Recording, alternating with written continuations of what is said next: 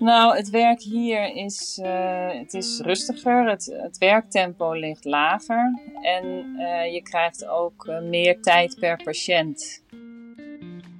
Het is hier gebruikelijk om vijf dagen per week te werken. De werkdagen zijn wel korter dan in Nederland, dus het is van acht tot half vier is onze poli open.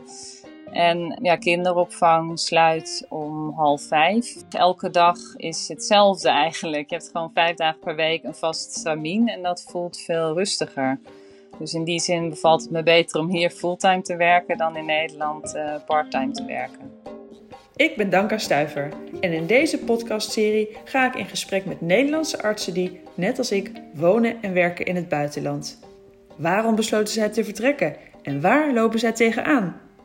Ik neem je mee over de grens naar steeds een ander land met een andere cultuur en taal en een ander zorgstelsel. Vandaag gaan we terug naar Noorwegen, naar een land met een zorgstelsel dat wordt geroemd en geprezen. Maar is dat terecht of hebben we een te romantisch beeld? Eerder sprak ik daar al over met Martijn Buwalda, een waarnemend anesthesioloog die regelmatig werkzaam is in Noorwegen. En vandaag ga ik in gesprek met psychiater Esther Groteboer. Zes jaar geleden vertrok zij met haar man en jonge kinderen naar Noorwegen om daar een nieuw bestaan op te bouwen. Esther, van harte welkom. Dankjewel. Heel leuk dat je me vroeg voor deze podcast. Ja, ik zag een, een stuk van jou op LinkedIn waarin jij vertelde over, uh, over je leven en werk in Noorwegen. En met name inging op de vraag waarom vrouwen in Nederland zoveel minder uren werken dan in Noorwegen. En ik wist toen meteen, nou, die wil ik heel graag uitnodigen voor deze podcastserie, om onder andere daarover te praten. Maar laten we even aan het begin beginnen. Wat maakte dat jullie zes jaar geleden uh, met toen kinderen van, als ik het goed zeg, twee en drie jaar oud, uh, naar Noorwegen vertrokken? Ja, dat had met meerdere dingen te maken. Eén ding was dat we sowieso, Tom en ik, uh, mijn man en ik, altijd al graag in het buitenland wilden wonen. En dat had heel veel te maken met ja, toch de liefde voor natuur. Eh, ruimte. Eh, we gingen in de zomer altijd in Oostenrijk in de bergen wandelen. En ehm, ja, dat leek me altijd heerlijk om ook op zo'n manier te wonen. En hem ook. En um, ja, toen ik eenmaal uh, als psychiater werkte en ook kinderen kreeg, toen had ik het toch wel ja, steeds minder naar mijn zin in het werk in, in Nederland. Uh, ik vond het altijd al uh, erg hectisch, erg gehaast. En zeker met kinderen, ja, uh, vond ik het wel erg veel ballen tegelijk in de lucht. Ik zat vaak niet echt lekker meer op mijn werk. Als ik dan op het werk zat, dan had ik een hele volle agenda. En ja, tegelijk heb je dan een baby en een peuter op een kinderdagverblijf. En dan word je nog wel eens gebeld, omdat één niet wil drinken of één krijgt koorts. En dat kwam dan helemaal niet uit. dus dat was, ja, dat was, het voelde gewoon heel onrustig. Ja, ook als je dan een dag niet kon werken omdat een kind ziek was of dat je zelf ziek was, dan waren er dus acht patiënten die, ja, die dan weer ingepland moesten worden in de week daarna. En daar was eigenlijk helemaal geen ruimte voor. Toen zag ik dat de recruiters ja, adverteerden en zochten naar artsen die in Zweden en in Noorwegen wilden werken. Daar hadden we het toen thuis over en dat sprak ons allebei heel erg aan. En toen is, is dat balletje gaan rollen. Leuk. Ja, want we gaan het straks hebben over, uh, over het familieleven en het buitenleven ook hè, in Noorwegen, wat, jou, wat jullie zo even aangetrokken. Maar ik wil het eerst meer hebben over, over jouw werk. Want um, nou, in Nederland werkte jij ruim tien jaar in de psychiatrie en de laatste zes en een half jaar als psychiater. Onder andere heb je mij verteld op de poli persoonlijkheidsstoornissen, de depressiepoli en ook vijf jaar voor het Nederlands Instituut voor Forensische Psychiatrie. Nou, voor de luisteraar, dan hebben we het, het dus over patiënten met zeer zware psychiatrische aandoeningen. Hè? Dus niet zomaar alleen maar een beetje burn-out en zo behandelen, maar echt serieuze psychiatrische aandoeningen. Dus om te beginnen, uh, ja, waar werk je nu? Ja, ik uh, werk nu in de plaats Jeuvik. Dat is een, uh, ja, een provinciestadje, zou je kunnen zeggen, ten noorden van Oslo. Anderhalf uur rijden ten noorden van Oslo. Uh, ja, hier is de psychiatrie iets anders georganiseerd. Uh, in Nederland heb je de GGZ en dat zijn dus eigen instellingen, aparte instellingen. Hier is de psychiatrie een deel van het algemeen ziekenhuis. En een hele provincie, onze provincie is zo groot als Nederland, uh, maar wel met minder inwoners. die hele provincie heeft één ziekenhuis maar dan met meerdere locaties. En uh, ja, onze poli zit dus uh, ja, aan een algemeen ziekenhuis vast. En er zijn beddenafdelingen van, uh, voor de ja, psychiatrische patiënten in het algemeen ziekenhuis. En de gesloten afdelingen die zijn in een ander dorp in een eigen gebouw. Die zitten niet in het algemeen ziekenhuis. Mm -hmm. ja. Dan noemde jij in het voorgesprek eigenlijk dat je het parttime werken in Nederland zwaarder vond dan nu het fulltime werken in Noorwegen. Hoe komt dat, denk je? Nou, het werk hier is, uh, het is rustiger, het, het werktempo ligt lager en je krijgt ook uh, meer tijd per patiënt. Dus dat, ja, dat geeft een bepaalde rust, dat je echt een patiënt ja, meer aandacht kan geven. Ik uh, vond in Nederland, um, ja, dan zag ik acht patiënten. De laatste baan die ik had, het laatste jaar in Nederland, zag ik tien patiënten op een dag. Dan mocht je per patiënt een half uur uittrekken. Dat was dan een medicatiecontact. Voor diagnostiek had je wel meer tijd. Maar ja, ik vond het hele, hele korte gesprekken. En ik moest dan heel erg vlot schakelen van oké, deze persoon komt binnen. Wat wil ik weten? Hè, waar gaan we het nu over hebben? En dan was het al gauw ging het over nieuwe afspraken ten aanzien van de medicatie. En dan weer de volgende patiënt. Dus het was, het was heel veel schakelen, vond ik. Ja, en ook dat schakelen, dat, dat merkte ik heel erg ja, privé toen we helemaal kinderen hadden. Dan ga je toch parttime werken, want nou, het zijn redelijk lange werkdagen. En ik had ook reistijd, dus ja, op de dagen dat ik werkte, ja, kwam ik laat thuis. Dus ik ben, toen we kinderen kregen, ben ik naar drie dagen werken gegaan. Uh, elke dag ziet er dan anders uit. Want je gaat één dag wel naar het werk en de andere dag niet. En ja, ook met de kinderen. Hè, van, uh, als je een dag kinderen moet wegbrengen naar kinderopvang, dan ziet zo'n ochtend er anders uit dan wanneer je samen thuis blijft. En, en zo ja, was het heel veel, steeds maar nadenken en plannen, vond ik zelf. En hier is elke dag meer hetzelfde. Dat hoor ik ook van anderen die in Nederland hebben gewoond en daarna in Zweden of Noorwegen eh, zijn gaan wonen. Ja, het is hier eh, gebruikelijk om vijf dagen per week te werken. De werkdagen zijn wel korter dan in Nederland. Dus het is van acht tot half vier is onze poli open. En ja, kinderopvang sluit om half vijf. Dus je, ja, je hebt gewoon echt uiterlijk, haal je kind om half vijf op en dan ben je dus uh, daarna gewoon vlot thuis. En ja, zoals ik zeg, elke dag is hetzelfde eigenlijk. Je hebt gewoon vijf dagen per week een vast stramien en dat voelt veel rustiger. Dus in die zin bevalt het me beter om hier fulltime te werken dan in Nederland uh, parttime te werken. Ja. ja.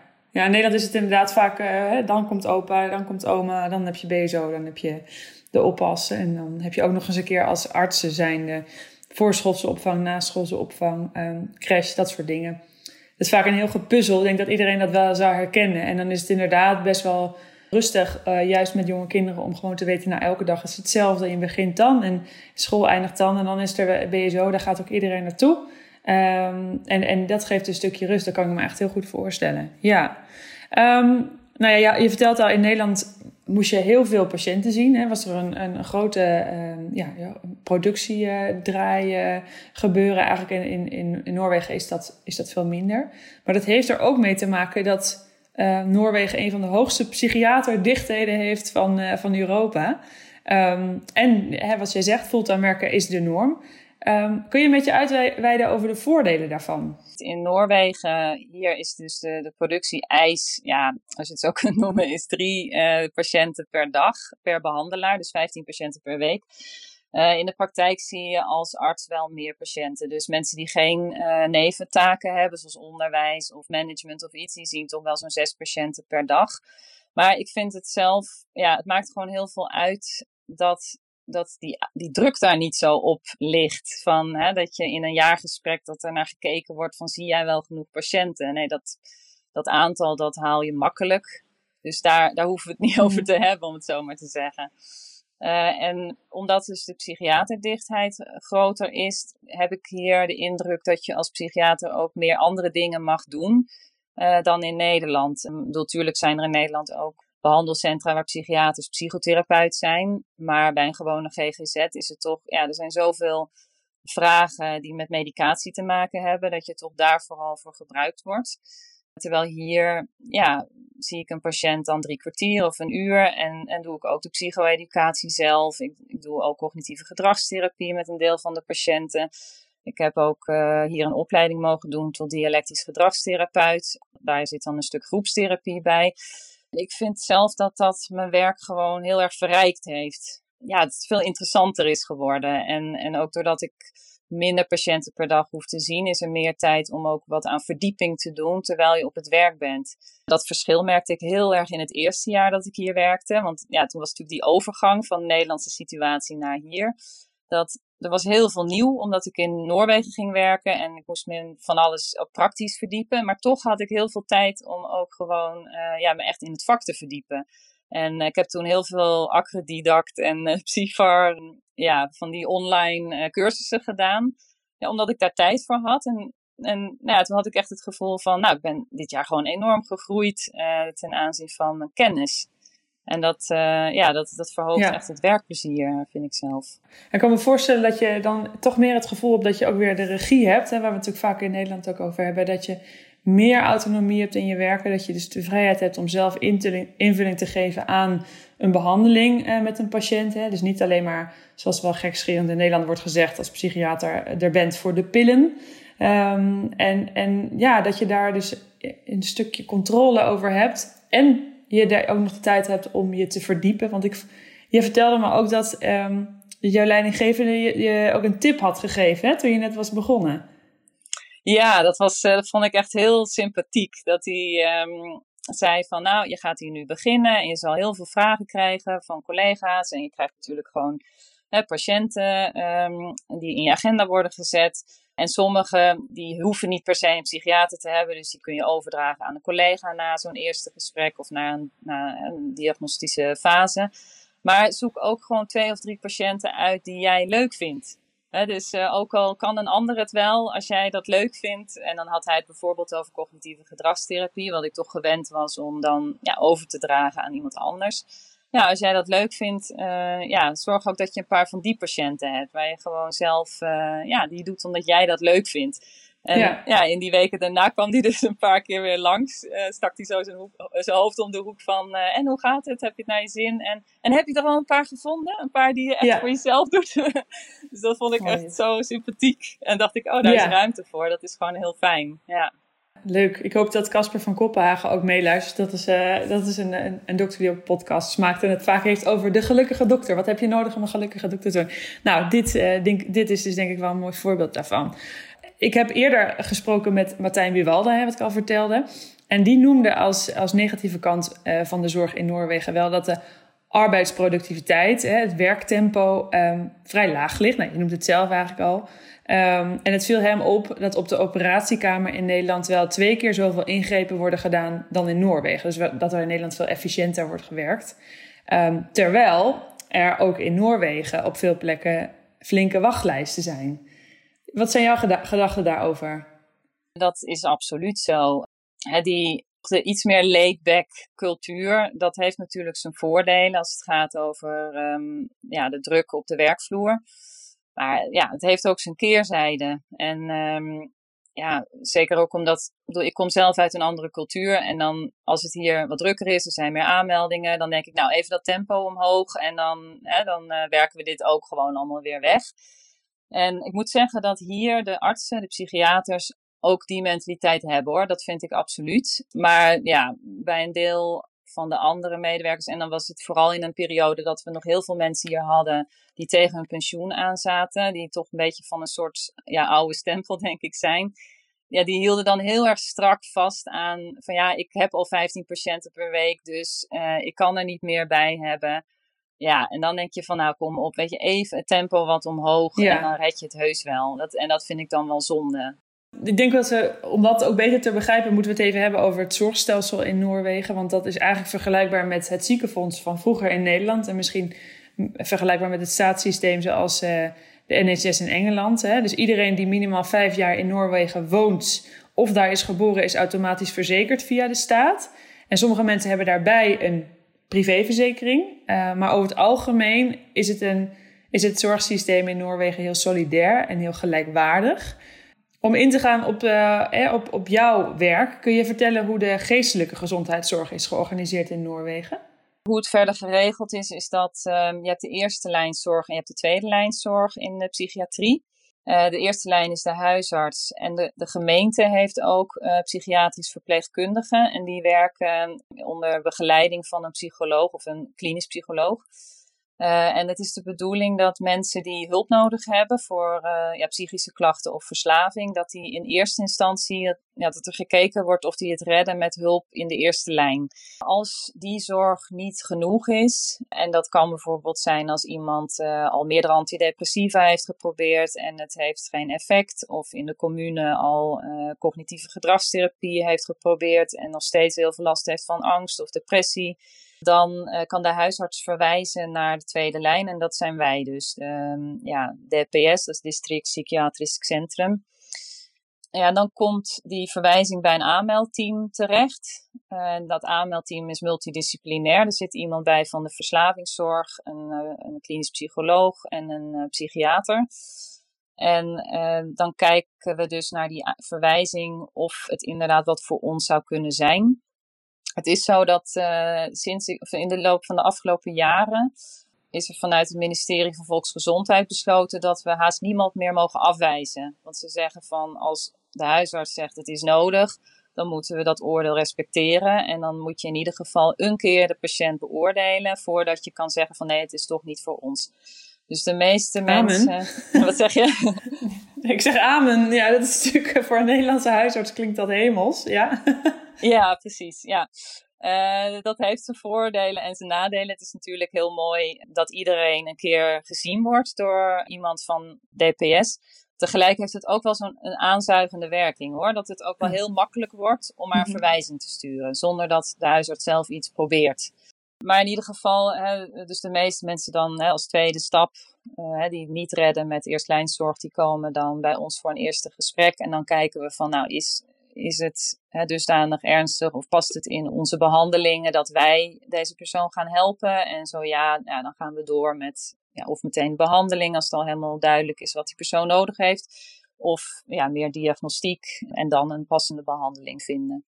Ja, en verder zijn er natuurlijk beddenafdelingen ik heb zelf het eerste anderhalf jaar heb ik op een beddenafdeling gewerkt. En uh, mijn indruk is nog steeds wel dat er meer capaciteit is, dat er meer bedden zijn dan in Nederland.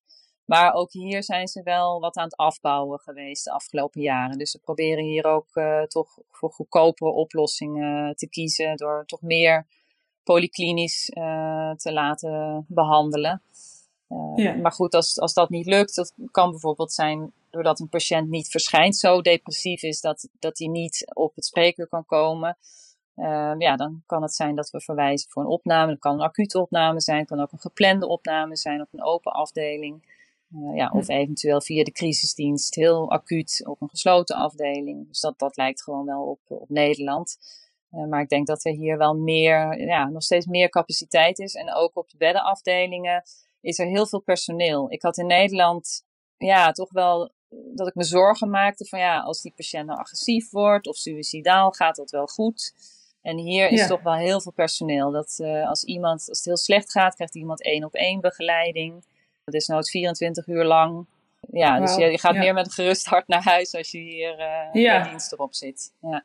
Het klinkt in ieder geval alsof de toegankelijkheid van de, van de GGZ wel een stuk beter is dan in Nederland. Hè, waar, waar huisartsen toch geregeld met de handen in het haar zitten met zeer complexe GGZ-patiënten die ze niet kwijt kunnen of die maar blijven aanmodderen bij de POH, die daar helemaal ook niet um, voldoende voor opgeleid is. Um, toch geldt in Noorwegen wel dat de huisarts de verantwoordelijkheid soort van terugkrijgt over patiënten met een stabiele, ernstige psychiatrische aandoening. Zeg ik dat goed? Ja, dat klopt. Ja, dat uh, was iets wat mij heel erg verbaasde toen ik hier op de poli kwam werken. Dat ik, ik had zelf altijd de indruk dat mensen met schizofrenie in Nederland toch gewoon hun hele leven een psychiater hebben. Ik heb zelf niet op een psychosepoli gewerkt, maar dat was toch altijd de indruk die ik had. Uh, ook in Leiden of in Oestgeest hadden we een langerdurende zorgpoli. Nou ja, dat waren echt mensen die vaak schizofrenie hadden en dan jarenlang uh, dezelfde behandelaar hadden. Uh, en hier is het zo, als een, een patiënt gewoon goed op medicatie is ingesteld, uh, ja, dan kun je die patiënt terugverwijzen naar de huisarts. Ja, dat, uh, dat gaat in een, een, deel van de gevallen goed en in een deel van de gevallen gaat het niet goed. Het gaat vooral goed als iemand echt een vaste huisarts heeft. En dat is niet altijd het geval. Het is hier, net als ja, op heel veel plaatsen in de wereld, is er toch wel een huisartsentekort vooral in Jeuvik. Er zijn een paar andere dorpen waar het wel gewoon helemaal goed, goed zit. Maar uh, in Jeuvik uh, ja, zijn er heel veel invallers. En dan ook dat invallers er drie maanden zijn. En dan weer een volgende. En dan misschien weer even helemaal niemand. Dus als ja, een patiënt met een ernstige psychiatrische stoornis alleen maar de huisarts heeft, dan kan dat wel echt een probleem worden. En zo heb ik dus ook een, een patiënt uh, gehad hier die jarenlang uh, ja, niet bij DPS uh, eh, in behandeling was, maar alleen huisartsenzorg kreeg. Ja, en die stond dus jaar in jaar uit op dezelfde antipsychotica en werd alsmaar dikker en dikker en dikker en, en, en minder, meer geïsoleerd. En, en daar is gewoon nooit meer goed naar gekeken, totdat eindelijk iemand zei van, joh, je moet gewoon toch eens opnieuw naar een psychiater. En uh, toen hebben we medicatie mhm. aangepast, want hij was dus al jarenlang stabiel, gewoon niet psychotisch, maar wel met heel veel bijwerkingen van de medicatie. En, uh, en die persoon is dus enorm opgeknapt door, door Leponex af te bouwen en iets uh, Abilify dan op te starten in een lage dosis. Ja, dat is wel heel schrijnend. Ja, dat dan zie je maar weer het belang van een, uh, van een goede eerste lijn, hè? van een vertrouwd en vast gezicht, denk ik. Dat dat, ja, dat, dat het weer onderstreept. Ja, um, een ander probleem dat in Nederland veel genoemd wordt, is dat met name uh, jongeren steeds meer last hebben van, van psychische klachten. En ook verergerd uh, in de tijd van de lockdowns en zo. Um, zie je deze klachten ook in Noorwegen en, en hoe wordt daarmee omgegaan? Ja, je ziet zeker jonge mensen met uh, psychische klachten. Ik weet niet of dat nou zo heel veel erger is geworden tijdens de coronapandemie. In ieder geval ja, heb ik, weet ik niet of het erger is dan bij mensen van andere leeftijdscategorieën. Maar je ziet zeker uh, psychische klachten bij jonge mensen. En ja, wat me hier vooral heel erg opvalt, is dat heel veel mensen hier met angst en vermijding kampen. Zowel jonge mensen als oudere mensen. Dat zeggen ook de lokale behandelaren hier. Dat heel, hier zijn in de omgeving, deze, ja, dit is toch gewoon echt zo'n landelijke omgeving heel veel mensen met een vermijdende persoonlijkheidsstoornis, of in ieder geval zulke ja, persoonlijkheidskenmerken. En zo zie ik ook veel jongeren die dus uh, kampen met angst. En wat lastig is, is dat ja, het is heel goed bedoeld, hè, wordt daar heel veel hulp op gezet. Maar eigenlijk zie ik soms vaak toch wel dat het ook de vermijding juist in de hand werkt. Want eh, er zijn bijvoorbeeld, en daar heb ik de indruk dat dat veel meer is dan in Nederland, er zijn allerlei mogelijkheden om hulp te krijgen op school. Waarbij de schooldagen ook worden aangepast voor een jonge patiënt die psychische klachten heeft. En dat betekent dus dat er jongeren zijn die al het werk aangeboden krijgen als thuisonderwijs. die dus niet naar school gaan omdat ze last hebben van angsten. Er zijn ook, ik hoor ook regelmatig van jongeren die nooit een presentatie hoeven te geven, omdat ze daar angst voor hebben. Terwijl juist de behandeling hè, voor sociale fobie bijvoorbeeld is juist exponering. Uh, hè, is juist stap voor stap toch doen dat wat je eng vindt en daar dan ja, hulp bij krijgen om die angsten te overwinnen. En zo zie je hier heel veel jonge mensen die ook al vroeg uh, afgekeurd worden. En dat is vaak uh, vanwege ja, onder andere angstklachten. En uh, ik geloof dat Noorwegen het hoogste aantal afgekeurde mensen heeft uh, in Europa of in de westerse wereld. En NAV is dus het Noorse UWV, die, die weet dat ook. En die, hè, die hebben dat ook als, um, ja, als een soort aandachtspunt van dit is niet goed. Dat zoveel mensen thuis zitten maar ja, ik merk dat het gewoon wel lastig is om die cultuur uh, te veranderen. Dat je toch uh, zegt van ja, het is moeilijk, maar voor de lange termijn is het toch beter dat je stap voor stap weer aan het werk gaat. Dat je weer meer sociaal leven krijgt. Ja, en um, nou vertelde Martijn ook wel dat het in Noorwegen niet echt gebruikelijk is om gewoon een praatje, een praatje prut aan te gaan met iemand die je niet kent in Noorwegen. Hij zei ook, Um, ga, sta je in de lift met een heleboel Noren, dan weet niemand waar die moet kijken. En stel je voor dat die lift vastkomt, de lift komt vast te zitten, dat is echt een nachtmerrie van iedere Noor. Um, dus misschien zit dat hele vermijdende inderdaad ook wel een beetje in de volksaard. Of zeg ik dan iets wat niet klopt? Ja, ja. Nee, dat, uh, dat denk ik ook. Ik vind dat zelf als, uh, als psychiater heel interessant. Van wat is dit nou? Is dit gewoon een cultuur die, die ze mhm. elkaar hebben aangeleerd? Of zit dat in de genen? En, en de Noren zeggen zelf dat, dat in Noord-Noorwegen mensen veel meer extrovert zijn. En uh, ja, een collega van mij zei ook van ja, misschien door de omstandigheden daar, die toch allemaal veel ruiger zijn, dat je dan elkaar nodig hebt. En dat, je, hè, dus, hè, dat het door de tijd heen zo is ontstaan, dat de mensen daar elkaar juist wel opzoeken en directer zijn in de communicatie. En hier op het platteland, ja, is het meer, mensen zijn gewend om zich terug te trekken. En uh, ja, het is wel herkenbaar dat je, uh, wat hij dan zegt van uh, dat mensen dan niet zo snel iets weten te zeggen. Het is ook absoluut niet zo nee. dat 100% zo is. Ik heb ook collega's die wel hartstikke extrovert zijn. En er wordt hier bij ons op de poli worden echt leuke dingen georganiseerd met etentjes. En, dus het is niet zo dat, dat iedereen zo is, maar ja, het is wel eh, anders dan in Nederland. Ja, in Nederland zijn mensen veel meer direct en maken makkelijker een praatje. En hier zijn mensen veel meer voorzichtig. Eh, het kost echt tijd om, ja, om een beetje een, relatie met mensen aan te gaan. Je had het net al even over het aantal uh, afgekeurde mensen die, dus bij, bij het NAF, bij het UWV bekend zijn. Nou vertelde jij mij ook al eerder dat er veel meer contact is tussen de, de behandelaren in de zorg en het UWV, het Noorse UWV. Kun je daar iets over vertellen? Ja, dat klopt. En dat, dat vind ik echt, ja, echt wel heel mooi hier. En ik denk dat dat ook kan omdat we dus veel meer tijd per patiënt hebben. Het is hier veel gebruikelijker dat je, um, dat je een, um, ja, het noemen ze een samarbeidsmeute of ansvarsgroepenmeute. Dat je een vergadering hebt met alle hulpverleners rond die patiënt, met de patiënt erbij. Uh, soms ook met bijvoorbeeld echtgenoot of, of moeder. Um, en vaak ook NAV, dus dat is het UWV. Maar ja, dat contact uh, met NAV, ik vind dat wel heel erg nuttig. Want in Nederland was het, uh, ik kreeg wel vaak brieven van UWV met vragen. En daar, ja, daar antwoord je dan in een paar zinnen op. Maar als je echt samen gaat zitten, dan krijgt het volgens mij toch nou veel meer de, uh, ja, goede indruk van wat is nou de problematiek? En mm -hmm. uh, wat is nou een goede manier om op het werk weer op te starten? Wat voor voorwaarden moeten dan eerst aan, uh, daar, waar moet eerst aan voldaan worden, zodat die patiënt dat weer aan kan? Ik vind het wel heel interessant en ik denk ook dat als er nu bedrijfsartsen of verzekeringsartsen zullen luisteren, um, het is natuurlijk, het, die zeggen al vaker van ja, het, het werk neemt voor mensen gewoon een hele belangrijke plek in. Uh, en eigenlijk is het best wel bijzonder dat we als, um, als, als behandelaren uh, daarbuiten um, niet toch te weinig misschien de focus hebben op, uh, op de impact van het niet kunnen werken. Of hoe, hoe start je weer op met werken en hoe kun je dat weer, hè, dus hoe kon dat weer een plaatsje krijgen. Dus dat, dat het feit dat dat zij toch vaak moeten leuren om informatie. Er was laatst ook een stuk over een medisch contact. Dat, uh, dat, dat toch wel gezegd wordt, het is zo vervelend dat we dan A, geen reactie krijgen. Of B, heel sumier.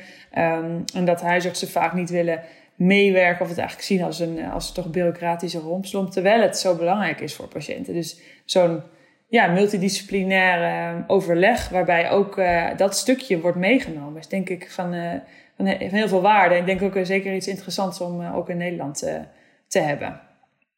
Ja, dat denk ik ook. En ik denk hier, er was, en er is voor een groot deel nog steeds, een cultuur van ja, je terugtrekken. En ook ja, als hulpverlener denken dat je iemand daarmee helpt om iemand af te keuren.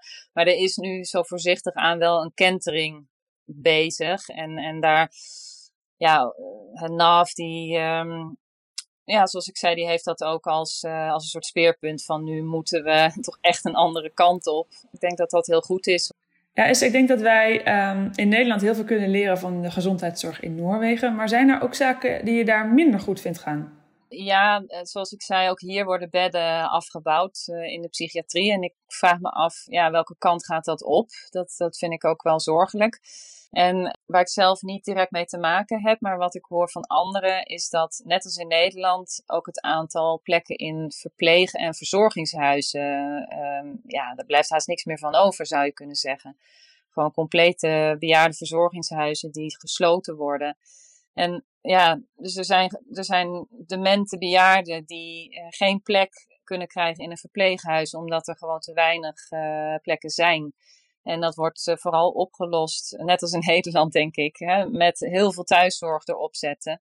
En die thuiszorg die, uh, ja, die werkt, ook, werkt zichzelf ook uh, ja, tien keer in de rond op een dag. Dus die scheuren met hun autootje van, van adres naar adres. En die hebben eigenlijk geen tijd om ook eventjes een praatje te maken met mensen.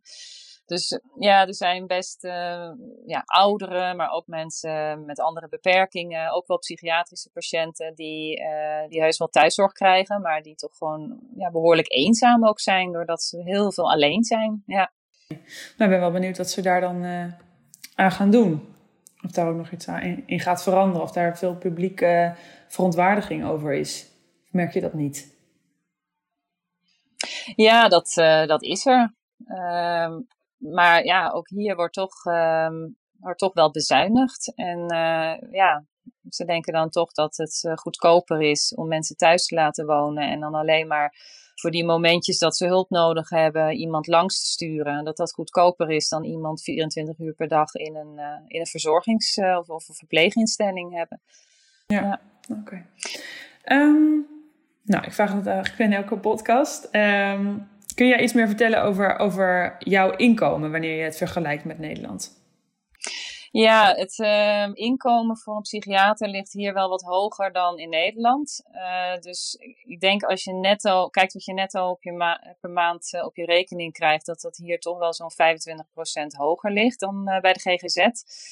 En of je dan ook 25% meer overhoudt, ja, dat hangt denk ik heel erg van af uh, hoe je hier in Noorwegen leeft. Hè. Wij, wij zitten op het platteland, uh, dus wij wonen heel goedkoop. Uh, en dan krijgen we heel veel voor de huur die we betalen. Koop je een huis in Jeuvik is dat al duurder, dus dat is net als in Nederland. Hè. Platteland is dan goedkoper dan de stad. Een aantal dingen zijn hier wel echt goedkoper, zoals kinderopvang, ja, zorgverzekering dus. Uh, wij hebben een dochter die heeft uh, glutenintolerantie. En dan krijg, je, dan krijg je geld van de overheid hier, omdat je boodschappen duurder zijn. Oh. Dus um, ja, nou ja, dus het is, het is, een beetje lastig vergelijken ook. Maar, ja. Uh, en uh, de, de energieproblemen die, die je in, uh, in Nederland natuurlijk hoort over de, de stijgende energieprijzen, is dat ook iets wat je in Noorwegen merkt? Ja, dat is in Noorwegen ook uh, aan de hand. Het is zo dat huizen hier geen gas hebben, dus daar hebben we niet mee te maken. Maar, maar de elektriciteit is uh, duurder geworden. En we hadden dat eigenlijk al een tijdje geleden. En ja, toen kreeg iedereen toch vanuit de overheid ook weer een vergoeding. Dat, het, uh, dat de kosten daarmee weer iets gedrukt werden. En dat, dat krijgt dan iedereen. Dus het is niet zoals in Nederland, wat ik heb gelezen, dat in Nederland dan de laagste inkomens iets erbij krijgen. Maar hier krijgt iedereen dat dan. En, en ik neem aan dat er ook veel mensen hout stoken. Ja, dat klopt. Ja, dat is ook echt zo'n cultuurding. Dat mensen vinden dat heerlijk om dan uh, in de winter weer de houtkachel aan te steken. En, en het, is, ja, het drukt ook de kosten natuurlijk. Nou, ik wil het graag hebben over jullie leven in Noorwegen. Want jullie hebben kinderen van uh, inmiddels 8 en 10 jaar oud. Klopt, um, ja. Hoe, hoe was het voor jouw man en kinderen om, uh, om naar Noorwegen te verhuizen? Het was uh, voor mijn man uh, heel leuk. Uh, hij houdt heel erg van, van de natuur en de vrijheid. En hij heeft hier zijn jachtbewijs gehaald in het eerste jaar. En we hebben een hond genomen. En daar is hij mee op puppycursus geweest. dus ja, voor hem was het vanaf het begin meteen ja, helemaal goed. onze dochter die was toen drie en een half. En die sprak al heel goed Nederlands. En voor haar was het de eerste weken op het kinderdagverblijf heel, ja, heel erg wennen ze was helemaal niet blij dat niemand haar verstond en dat, uh, ja, dat zij niemand verstond. Maar ik geloof dat dat na drie weken al veel beter ging. Dus die kinderen leren zo snel dan al een nieuwe taal. Uh, en de jongste was twee en die, die vond het echt prima. Dus die, nou ja, die ging gewoon, uh, die startte gewoon op het kinderdagverblijf en ja, geen probleem. Um, ja, dus, dus dat was ja, ten aanzien van hun ja, drieën. En voor mezelf um, ja, ik moet zeggen, ik had, eh, ik had um, het wat onderschat van tevoren, de overgang eh, naar een baan in een ander land. Ik dacht van, nou ik ben al psychiater, dus weet je, dat, dat heb ik al in de vingers, om het zo maar te zeggen. En ja, dan heb je de taal. Nou goed, we hebben dus uitgebreid een cursus gevolgd. Ehm, ik geloof dat we een jaar lang daar wel tien uur per week instaken. Twee uur les geloof ik en heel veel uren huiswerk en woordjes stampen. Dus ik dacht, nou ja, de taal, daar doen we alles aan, maar dat zal het grootste punt zijn. Maar ja, eigenlijk was uh, ontzettend veel was nieuw uh, als het gaat over het werk. Dus uh, ja, je hebt ook andere regels, hè, de juridische kant van de psychiatrie, dwangopnames. Ja, dat is een andere wetgeving hier, daar moest ik me in gaan verdiepen. Uh, en ja, in het ziekenhuis heb je nog helemaal geen netwerk in het begin. Dus dat, dat was ook iets waar ik ja, niet zo heel erg bij stil stond van tevoren. Eigenlijk hoe waardevol het is dat je gewoon al die collega's kent en weet wie je moet bellen als, uh, als je wat advies nodig heeft, hebt of als je een patiënt wil laten opnemen. Uh, dus uh, ja, voor wat betreft het werk was het voor mij een enorme omschakeling. Ja, ik kan me voorstellen. Kan me voorstellen. Nou, um, heb ik een paar foto's mogen bewonderen van, van de plek waar jullie, waar jullie wonen. Een hele, hele mooie plek. Ehm, maar voor de luisteraars, kun jij, kun jij een beeld schetsen van, van dit plekje? Ja, wij wonen nu in uh, het dorpje Kap. Nou ja, in het dorp is eigenlijk niet helemaal juist. Het hoort bij het dorpje Kap, maar we wonen, ja, de huizen die dichtst ons zijn, die zijn nog wel een stukje bij ons vandaan. Um, en uh, Kap ligt aan het meer Mjeusa. Het is een heel groot meer. Uh, en ons huis, um, ja, de tuin grenst aan dat meer. Dus we hebben uitzicht aan één kant over het meer. En aan de andere kant grenst onze tuin aan een bos. Uh, en verder, ja, het is zo'n typisch Noors houten huis. Uh, ja, ruimte eromheen, garage ernaast. ja, ik, wij vinden het heerlijk, heerlijk wonen. Ja, en hoe zijn jullie bij dat huis gekomen? Ja, dat is wel heel bijzonder. Dat uh, toen we naar Noorwegen zouden verhuizen, toen was ons al verteld van, het is, als je een huis zoekt, een huurhuis, dan is het wel gebruikelijk dat je zelf een advertentie zet. Um, ik ben wel benieuwd, wat, als, als jullie vrij zijn, hè, wat, wat voor dingen doen, jullie dan met het gezin? Um, nou, we zijn ook wel heel veel gewoon een beetje ja, in en om het huis. Uh, zijn wel graag in de tuin. Uh, in de zomer, als het, als het meer niet te koud is, dan kun je ook zwemmen in het meer. Uh, we gaan graag wandelen met het gezin en met de hond. En um, ja, in de winter soms langlaufen, soms een keer schaatsen. Het is niet zo dat wij de hele tijd aan het skiën zijn, zoals heel veel Noren. Dat, dat niet. Uh, maar ja, gewoon lekker een beetje buiten bezig zijn en ook, uh, ook gewoon graag binnen. En natuurlijk als school bezig is, dan hebben we net als in Nederland gezinnen het ook heel druk met halen en brengen naar alle hobby's van, uh, van de kinderen. En wat ook typisch Noors is, is uh, het begrip dugnad. Dat is vrijwilligerswerk. En uh, ja, dat, uh, er is hier heel veel vrijwilligerswerk waarvan je toch geacht wordt daaraan mee te doen. Zowel op school als ja, speciaal ook bij, bij sportclubs. Dat draait toch heel veel op vrijwilligers. Dat houdt ook de kosten laag van een voetbalclub en een handbalclub. Uh, ja, er wordt toch heel veel van de ouders verwacht om uh, ja, in de kiosk te staan, om wafels te verkopen en uh, ja, helpen bij trainingen ja. en van alles. Ja. Ja, ik kan, me, ik kan me voorstellen, maar aan de ene kant ehm, hoop ik ook wel weer dat als je toch die kortere werkdagen hebt en misschien wat lagere werkdruk, dat je daar dan nog de energie voor hebt. Of, of zeg ik dat niet goed? Ja, nee, zo is het helemaal. Dus ik, ik heb ook hier het gevoel van, ja, dat vind ik ook fijn, dat je op beide fronten gewoon kan meedraaien. Dus het is niet van, oh, ik ben de hele week aan het werken en dan kinderen, dat moet dan een beetje in het weekend of zo. Nee, de, de werkdag, de poli sluit om half vier. Uh, en uh, ja, zoals gezegd, kinderopvang sluit om half vijf. Dus bij ons is het zo dat om half vijf is het gezin ook compleet. En uh, ja, dan kun je ook samen eten al vroeg in de avond. En ja, meedoen aan, aan hobby's en dingen. Nog een avond. Ja, en daar, ja. daar heb ik dan ook wel de energie voor. Dus dat is, dat is heel Precies, lekker. Niet, niet alleen de tijd, maar ook de energie voor. Dat is denk ik heel, heel goed gezegd. Ja. Um, stel nu dat er collega's meeluisteren die ook overwegen de overstap te maken naar, uh, naar Noorwegen. Wat zou jij hen willen adviseren? Um, ja, ik vind het zelf heel erg aan te raden. Als je, zeker als je houdt van in de natuur wonen, um, ja, die woonwerk, die balans, toch veel tijd en energie voor je gezin, maar ook volledig op het werk meedraaien. Uh, ja, dat kun je hier echt vinden. Um, ja, ik vond zelf die eerst, het eerste jaar op het werk echt een investering. Want er is zoveel nieuw en je, je moet je in heel veel verdiepen en je moet de taal uh, nog beter leren dat ik echt vond, het tweede jaar, dan pluk je de vruchten van, van al die moeite die je in dat eerste jaar hebt gedaan. Dus ik zou zelf, ja, iedereen moet voor zichzelf weten, maar ik zou zelf denken van als je gaat, ga dan in ieder geval voor twee jaar. Dat, je, hè, dat die moeite zich ook loont.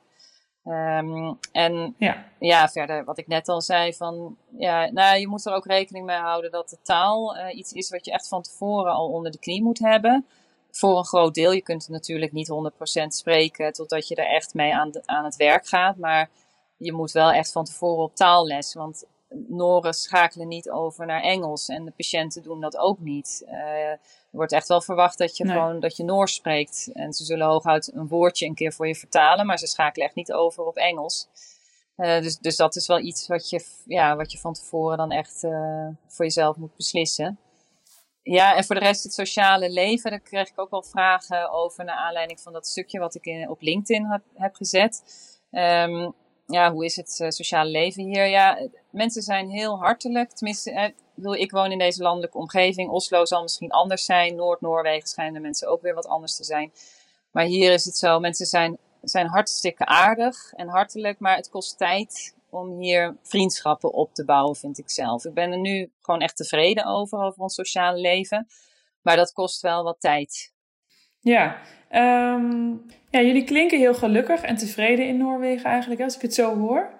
Dus ik ben dus wel benieuwd, wat, uh, wat, zijn jullie plannen voor de toekomst? Nou, ik, uh, ik zie ons gewoon nog een hele tijd in Noorwegen wonen. We hebben geen plannen om terug naar Nederland te gaan. Ja, zeg nooit nooit. Ik bedoel, het kan natuurlijk altijd zo zijn dat de omstandigheden op de een of andere manier veranderen en dat je daar toch toe besluit. Maar we hebben nu uh, geen plannen om naar Nederland terug te gaan en, en ook geen plannen om ergens anders naartoe te verhuizen. Ik kan me voorstellen, als we geen kinderen hadden gehad, dat we misschien nog wel een nieuw avontuur zouden zijn aangegaan. Bijvoorbeeld nog een keer een ander land of uh, misschien een ander deel van Noorwegen. Uh, Bergen, dat trekt ons ook. En um, ja, Lofoten is natuurlijk prachtig. Dat, dat zou heel leuk zijn om daar een tijdje te wonen. Maar met kinderen ja, vinden we het gewoon belangrijk om op één plek te blijven. En dat zij gewoon stabiliteit hebben. En ja, ik vind het ook mooi om hier gewoon echt een leven op te bouwen. En niet, uh, niet steeds van, van de een naar de andere plek uh, te gaan. Dus uh, voorlopig zitten we hier en zitten we hier goed. Ja, nou hartstikke leuk. Esther, dank je wel voor dit, voor dit interview. Ik hoop dat je ons op de hoogte houdt van jullie avonturen in Noorwegen. En misschien voor luisteraars die dat leuk vinden, is het zinvol om ehm, Esther te connecten, zoals dat heet. Niet volgen, maar connecten. Op LinkedIn, waar zij ook af en toe verhalen deelt. Esther, dankjewel. Dankjewel, hartstikke leuk. En dit was het einde van deze podcast met Esther Groteboer, psychiater in Noorwegen. En de volgende keer gaan we met deze podcast naar een land waar we nog niet eerder zijn geweest, namelijk naar Canada. Dan spreek ik met Nathalie de Bruin, die al 14 jaar werkt als huisarts in Calgary. Heb je naar aanleiding van deze podcast vragen of tips? Zou je zelf graag een keertje mee willen doen? Mail dan naar redactie.medischcontact.nl. Graag weer tot de volgende keer.